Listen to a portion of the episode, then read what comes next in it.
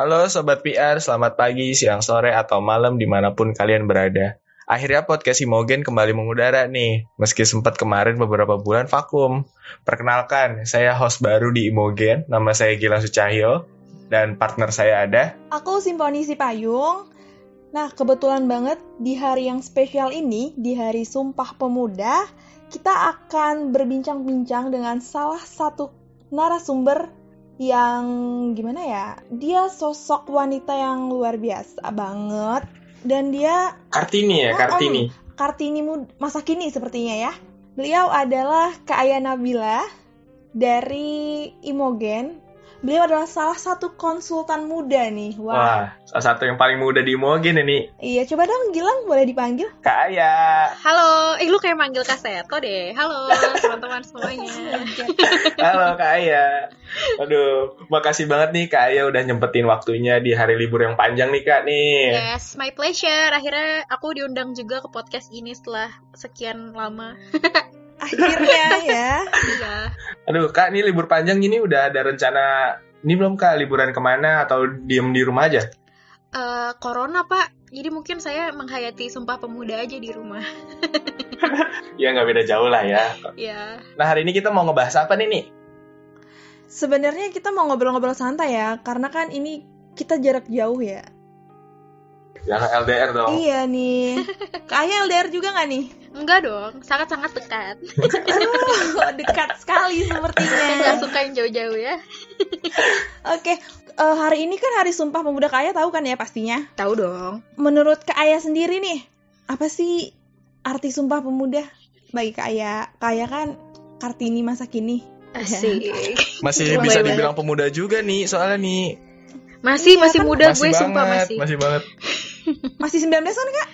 ya boleh deh kalau lo mau bilang 19 boleh. Oke, okay, Sumpah Pemuda buat aku apa ya? Mungkin sebelum aku ngomongin Sumpah Pemuda itu artinya apa, buat aku maknanya gimana, mungkin ada baiknya kita tahu dulu. Karena kayaknya uh, aku sih ngerasanya mungkin banyak orang yang lupa kali ya kayak sumpah pemuda itu apaan sih? Taunya cuma kayak ya satu bangsa satu tanah air satu bahasa yaitu Indonesia gitu kan ya. Mm -hmm. iya benar. Mm -hmm. kalian tahu nggak? Ntar jangan kalian nggak tahu sumpah pemuda apa sumpah pemuda tahu, tahu dong. dong. Kak. Masa ya kalau nggak tahu juga ini dicatat kok. Eh.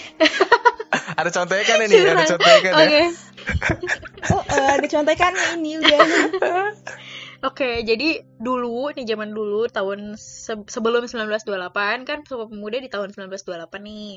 Mm -hmm. uh, pemuda-pemuda di Indonesia ini pengen banget Indonesia tuh merdeka dulu. Jadi mereka bikin perhimpunan isinya uh, apa anak-anak muda yang paling pintar-pintar, paling berpendidikan. Bikin tuh namanya Budi Utomo. Kemudian Budi Utomo ini bisa menginspirasi banyak anak muda di daerah lainnya bikin gerakan serupa. Intinya sih kayak gitu, pengen kayak gimana sih caranya supaya Indonesia ini cepat-cepat merdeka? Kita tuh bisa loh gitu. Jadi pengen meyakinkan orang-orang di luar sana bahwa uh, kita punya powernya, kita punya orangnya gitu. Terus dari Budi Utomo melahirkanlah dari berbagai daerah ada yang namanya uh, Yong Java, uh, Yong ini, Yong itu intinya adalah per perkumpulan atau perhimpunan anak muda di Indonesia. Terus habis itu bikinlah ada perhimpunan pelajar Indonesia. Nah mereka ini nih yang akhirnya melahirkan si Sumpah Pemuda yang isinya tiga itu.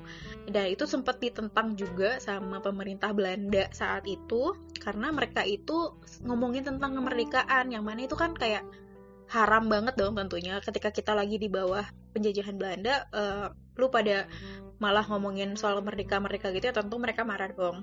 Mm-hmm. nah jadi intinya apa sih? Kalau dari Sumpah Pemudanya itu sendiri kalau menurut aku yang perlu dilihat adalah bukan dari semata-mata ngelihat secara tekstual isi dari Sumpah Pemudanya itu tapi lebih kayak uh, ini adalah semangat semangat untuk membangkitkan nasionalisme terus menyatukan seluruh anak-anak muda di Indonesia terus apa ya ini sebagai sebuah usaha kemerdekaan juga. Satu tujuan ya kan satu ya, tujuan. uh, jadi supaya semua anak muda di Indonesia tuh punya satu tujuan dan menghilangkan sifat-sifat yang kayak ayo ah, ya udah yang penting daerah gue merdeka daerah, daerah lu nggak merdeka bebas gitu. Jadi nggak gitu jadi memang harus merdeka sebagai satu Indonesia gitu. Dan itulah yang aku rasa setiap tahunnya harus kita rayakan instead of hanya merayakan si kejadiannya aja. Hmm, gitu. Kalau di iya kalau dilihat dari uh, anak muda zaman dulu sama zaman sekarang sih kalau dari kacamata aku sih ya, mm. ini kayak udah uh, cukup beda ya sih kak ya. Kalau dari zaman dulu, kalau zaman dulu yang Sumpah Pemuda tercetus ini kan emang remaja-remaja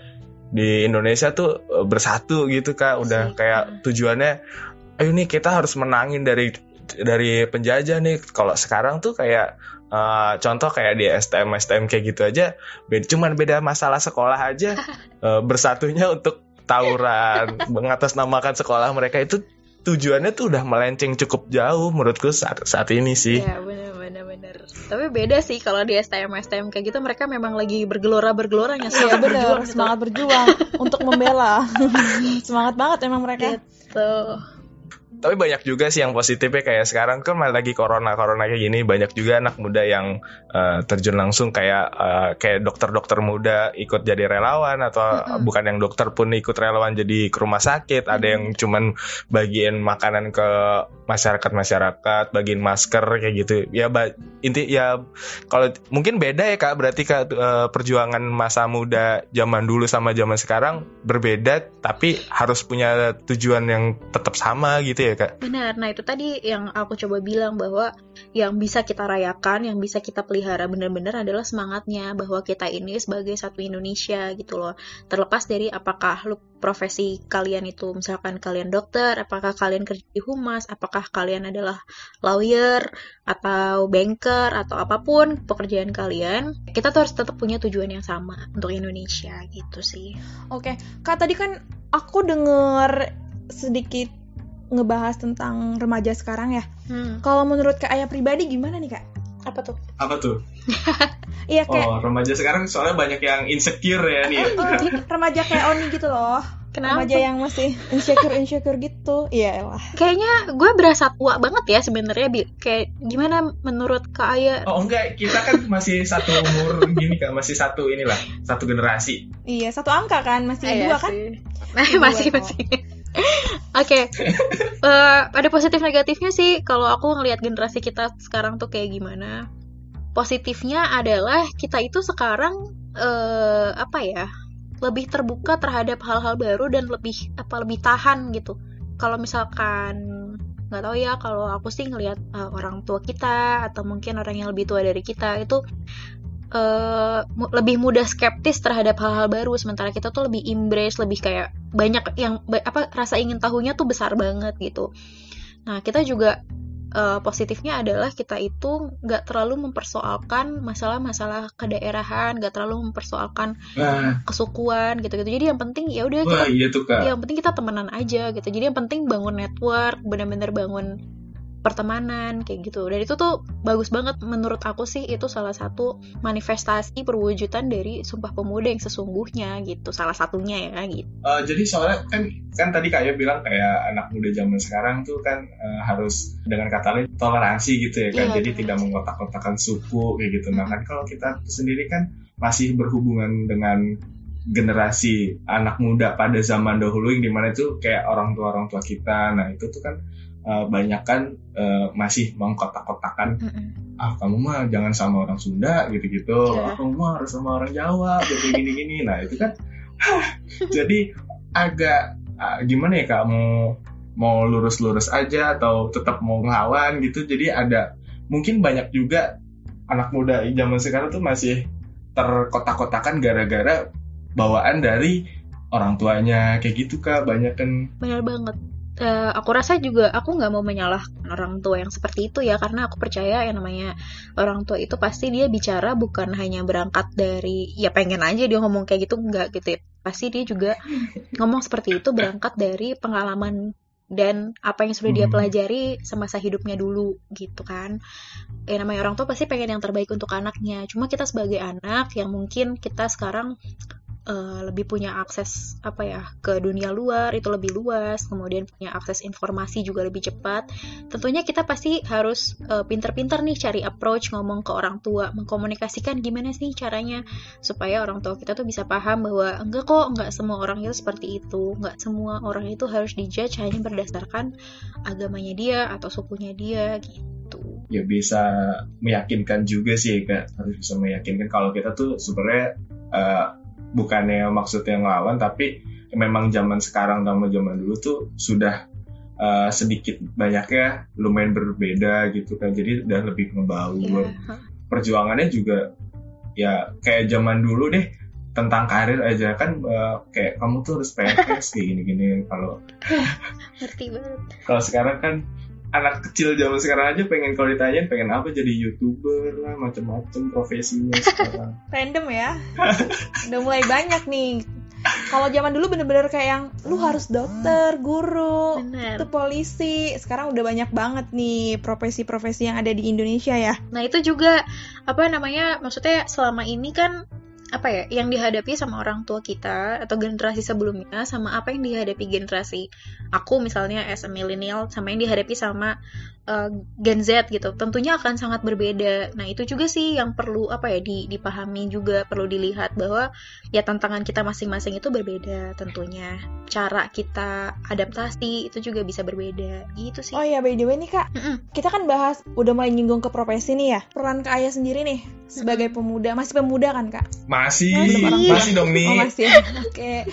iya mana tahu. Masih masih satu generasi kita nih ini Jahat ini banget Kak Aya nih gimana? Enggak, sebenarnya tuh sengaja sih. Apa? sengaja.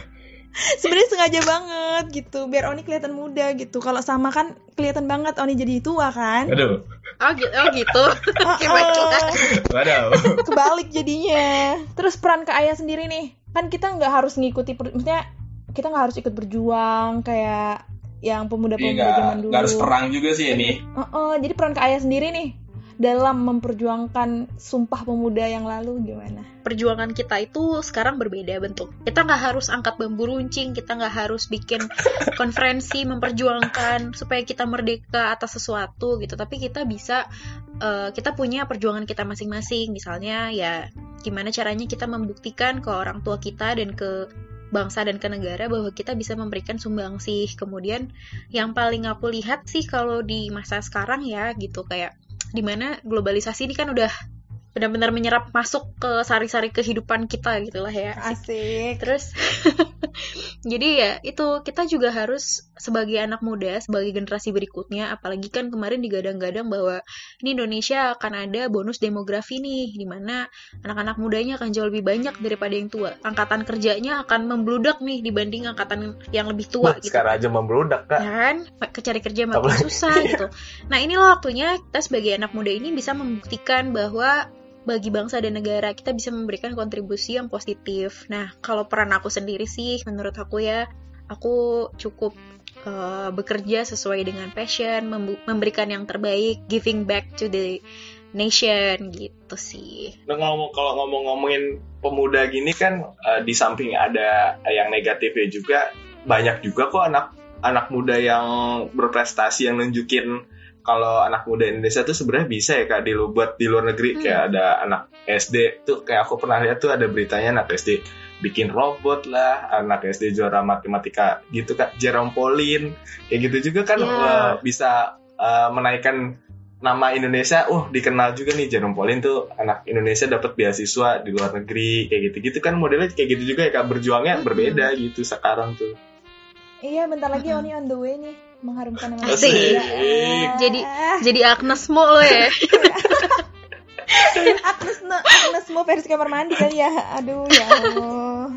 Nah iya kayak gitu-gitu tuh kan adalah salah satu bentuk perjuangan kita juga dalam uh, supaya kita negara kita ini bangsa kita ini bisa tetap eksis gitu di mata dunia aside from hanya diakui kemerdekaannya tapi juga diakui nih sekarang eksistensinya prestasinya gitu kayak misalnya nih di Indonesia sendiri gitu ya aku sekarang banyak banget lihat uh, brand-brand lokal dari anak-anak muda yang keren-keren banget yang nggak tau deh menurut aku sih aku prefer brand-brand lokal yang dibuatnya di Indonesia dari bahan-bahan yang ada iya, di Indonesia tuh juga. rasanya kayak lebih apa ya lebih estetik lebih bagus lebih ada ada pride tersendiri gitu pakainya. Tapi asal gitu. dipadu padaninnya pinter gitu ya kak, jangan asal-asalan. Nanti takutnya jadi malah kelihatannya tuh kayak ada yang alay, kelihatan alay lah, kelihatan malah kejam. ya itu itu itu ini kearifan lokal okay. ya, itu kearifan lokal sendiri. Ngomong-ngomong nih kayak, hmm. kan kita Oni PR, kakak juga PR ya kak Ayah ya. Mm -mm. Iyalah orang udah di Imogen masa nggak PR.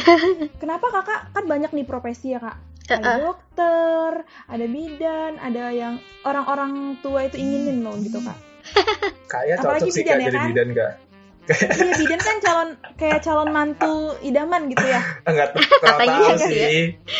iya gitu. Nah, kenapa Kak Ayah milih PR nih? Bidan. Karena suka aja. Ya, kalau sekarang aku balikin coba kalau misalkan Oni sama Gilam gitu. Kenapa kalian kan masih muda banget nih? Kenapa kuliahnya di komunikasi dan memilih kerja di PR? Coba gue tanya. Siapa dulu nih yang mau jawab? Gilang dulu deh. Aduh, kalau aku sih sebenarnya sih kecemplung sih kak. Anjir, kenapa? Kecemplung sih kak. Awalnya tuh uh, aku tuh sebenarnya pengennya ini kerjanya di bidang kesehatan gitu. Nah, karena jadi dokter gitu. Ya, ya pokoknya gitulah. Nah, terus karena kepentok uh, tes ujiannya lulus nih, terus uh, tes kesehatan ternyata aku tuh buta warna parsial. Nah, di situ gagalnya. Oh, oh gitu. Ibu oh, tahu loh. Ya? Iya. Apa apa lu uh, kamu nggak bisa lihat warna apa? Nggak bisa warna hijau, merah, ungu. Dan itu tuh kalau Serius? Ah, serius. Itu tuh kalau kayak kemarin deh pas waktu bikin sertifikat uh, ada Mas Fahri, Mas Fahri ngomong, "Nih Lang, nih warnanya lu sesuai nih kayak gini." gitu. Iya, Mas gitu. Pas dikasih ke Mas Fahri itu salah gitu gak bisa oh, lihat warnanya nah terus tapi aku, itu tuh udah aku akalin pakai apa sih kalau pick pick uh, pick a colornya itu harus aku samain sama warnanya itu. Oh. harusnya pakai tools itu jadinya kalau mau nyamain warna. Nah di situ tuh tahu ya alasan tersendiri nah iya terus habis dari situ tuh ngelihat aduh gagal lagi. Terus nyoba uh, pilihannya tuh waktu itu ada swasta tuh di Bakri sipil sama di sini nih di UIN nih ngambil komunikasi ya udah deh terus uh, kepilih deh apa kepilih lagi hmm. keterima di UIN ya udah diambil finally UIN. ya akhirnya menemukan tambatan ya finally di UIN dan di kamu di UIN juga pun ada tes kesehatan kan pas di tes kesehatan pun uh, itu ada saya aku nih nanya lagi bu ini kalau saya butuh warna parsial kira-kira saya bakal ditolak lagi nggak ya aku udah ngomong kayak gitu lagi udah takut banget oh parno ya parno. iya udah ditolak-tolakin gara-gara itu nah terus kenapa milih PR spesifik? Kan uh, di Ilkom kan ada advertising sama broadcast kan ya. Nah di situ pilihnya PR karena ngelihat dosen PR sendiri sih. Karena kayak udah sering ngobrol sama dosen PR jadi wah kayak tertarik gitu nih ada apa kerja-kerjaan di PR tuh kayak gimana? Nah terus kan dari praktek-praktek sendiri kan uh, di broadcast kayak gimana PR kayak gimana. Nah di situ tuh kayaknya lebih enak di PR gitu kerjanya. Ya udah jadi uh, terus aja ditekunin sampai sampai sekarang gitu. Yeay, akhirnya. Tapi tapi, tapi enjoy kan, Bang? Enjoy, kan? Enjoy. Enjoy sekali okay. saya. Kalau Oni tuh lebih berawal dari ini sih. Waktu itu daftar kayak dibilang apa namanya? Dibilang kayak kamu cocok di sini karena kamu kayak bacot gitu ya lah. Astaga. Berisik ya, nih. Cuma berawal dari situ doang. Iya, hmm. cuma berawal dari yang kayak lu banyak omong gini gini gini lu cocoknya di sini gitu. Padahal ya dunia PR tuh gak yang cuma ngomong bener, doang kak ya. MC dangdut juga bisa nih, kan ngomong mulu. Iya, iya. bisa. Iya, cuman berawal dari kayak gitu doang. Ya udah coba-coba asik kok enjoy terus kayak lebih banyak sosialisasi sih sama teman-teman lebih relasinya itu lebih ini lebih gede oh, oh makanya benar, kayak benar udah kayak banget. gitu gantian nih kita balikin ke kaya kayak gimana kalau aku sejujurnya ya ini aku mungkin share sedikit cerita dari aku zaman kecil gitu. Aduh, Udah beberapa kali sih aku cerita ini. Dari kecil nih. Enggak, sumpah enggak. Bentar. Jadi gini, dulu pas pas aku SD, SMP gitu, aku tuh anaknya nggak berani ngomong sama orang. Hmm. Bener-bener nggak berani. Sama guru, sama siapa pun pasti minta tolong temen kayak eh, boleh lu aja nggak yang ngomong? Gitu. Se segitunya pokoknya anaknya diem banget.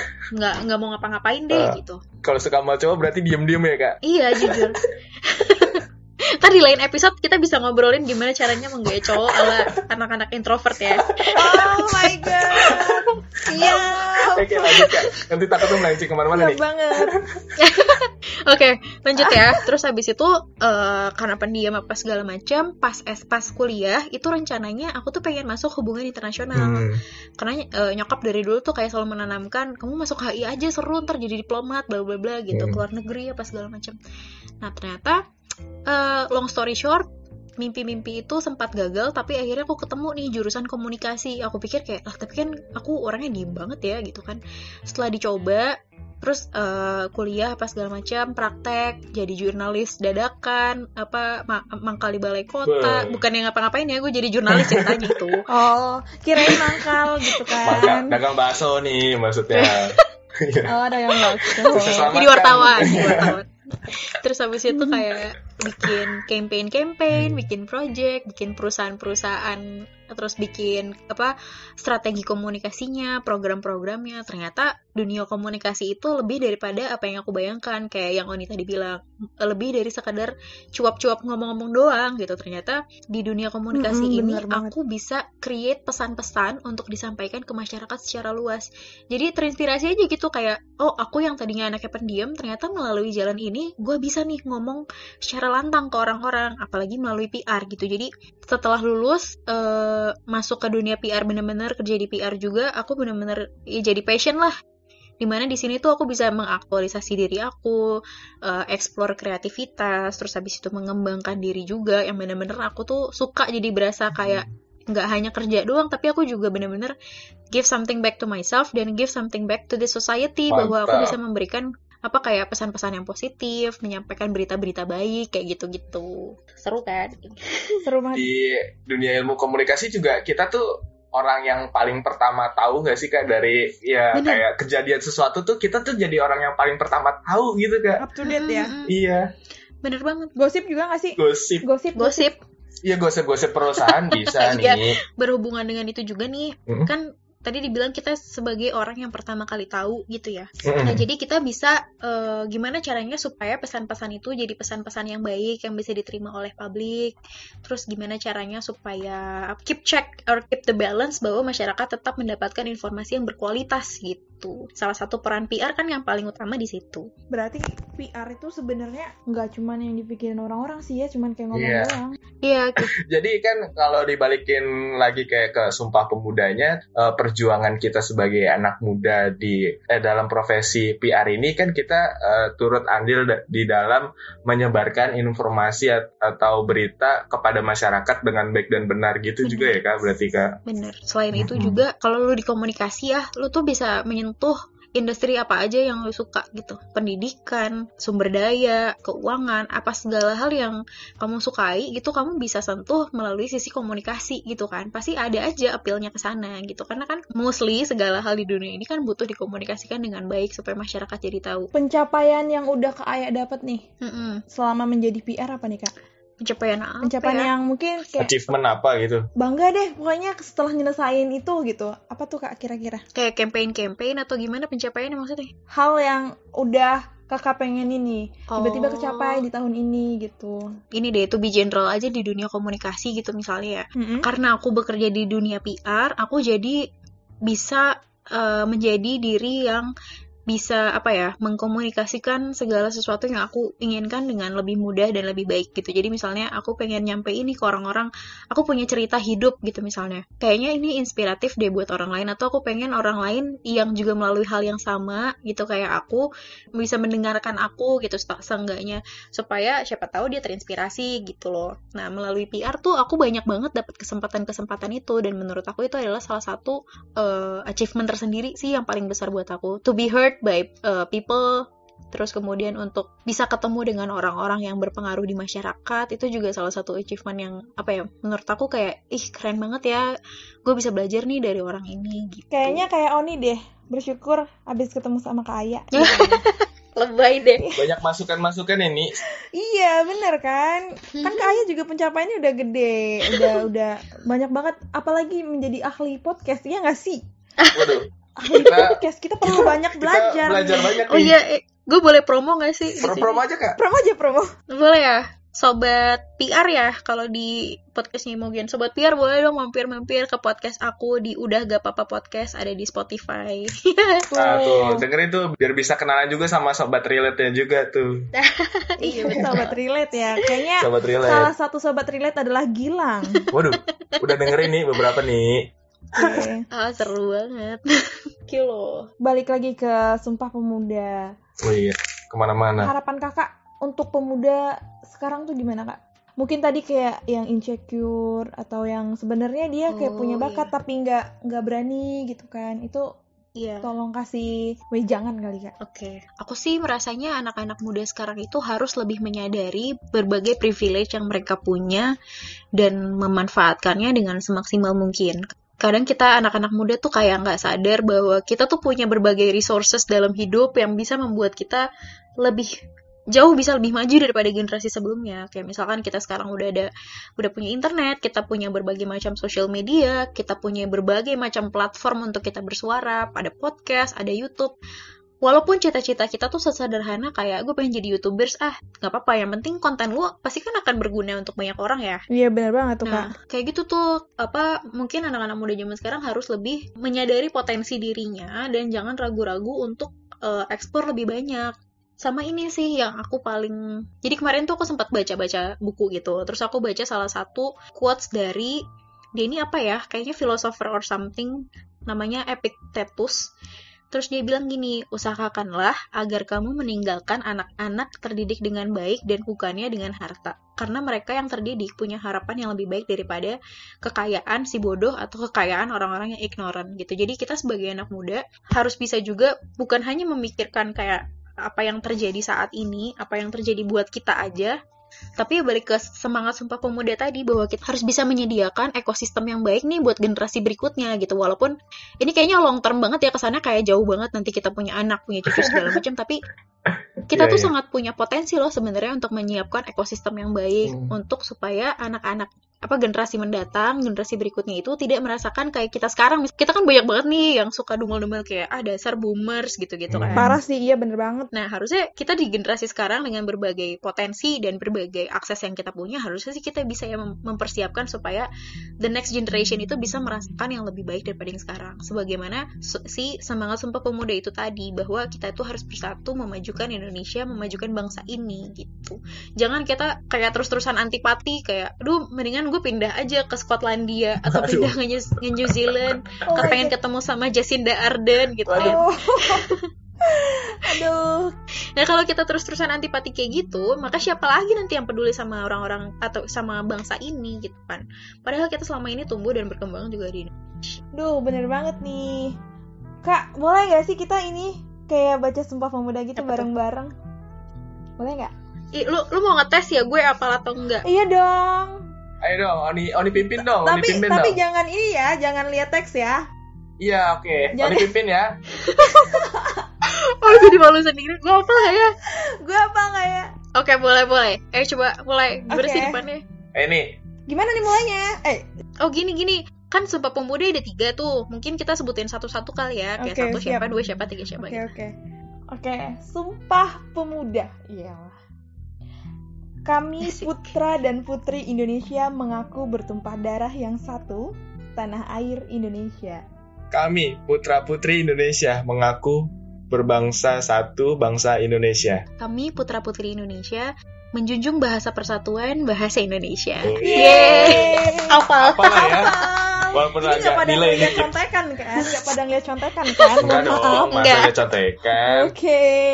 Oke nih kita udah wah lumayan ya tadi kirain bakal gimana ternyata ini udah sampai di berapa menit gengs? 25 menitan lah Wah gak kerasa banget Bener-bener ya Gak berasa juga ya Ya jadi Sumpah Pemuda itu untuk pemuda zaman sekarang sih uh, Aku tarik ininya kayak kita tuh harus memulai dari hal-hal yang kecil dulu untuk uh, merubah diri sendiri biar menyiapkan generasi masa depan yang bisa lebih baik nantinya. Benar-benar benar. Oh, iya benar-benar. Dimulai dari hal kecil dulu. Uh, nah terima kasih nih kayak udah sering sharing-sharing dari A sampai Z. Nah bagi para sobat PR, terus dengerin dan pantengin podcast kita ya agar mendapat insight-insight yang menarik seputar dunia PR. Akhir kata, saya Gilang Sucahyo dan partner saya. Aku Simponi Sipayung. Dan bintang tamu kita kali ini. Aku Aya. Thank you banget loh teman-teman Imogen sudah mengundang hari ini. Thank you Kak Aya. Thank you banget Kak Aya udah luangin waktunya. Terima yeah. kasih sudah mendengarkan podcast kita. Sampai jumpa. Bye -bye. Sampai jumpa. Bye-bye. Bye-bye.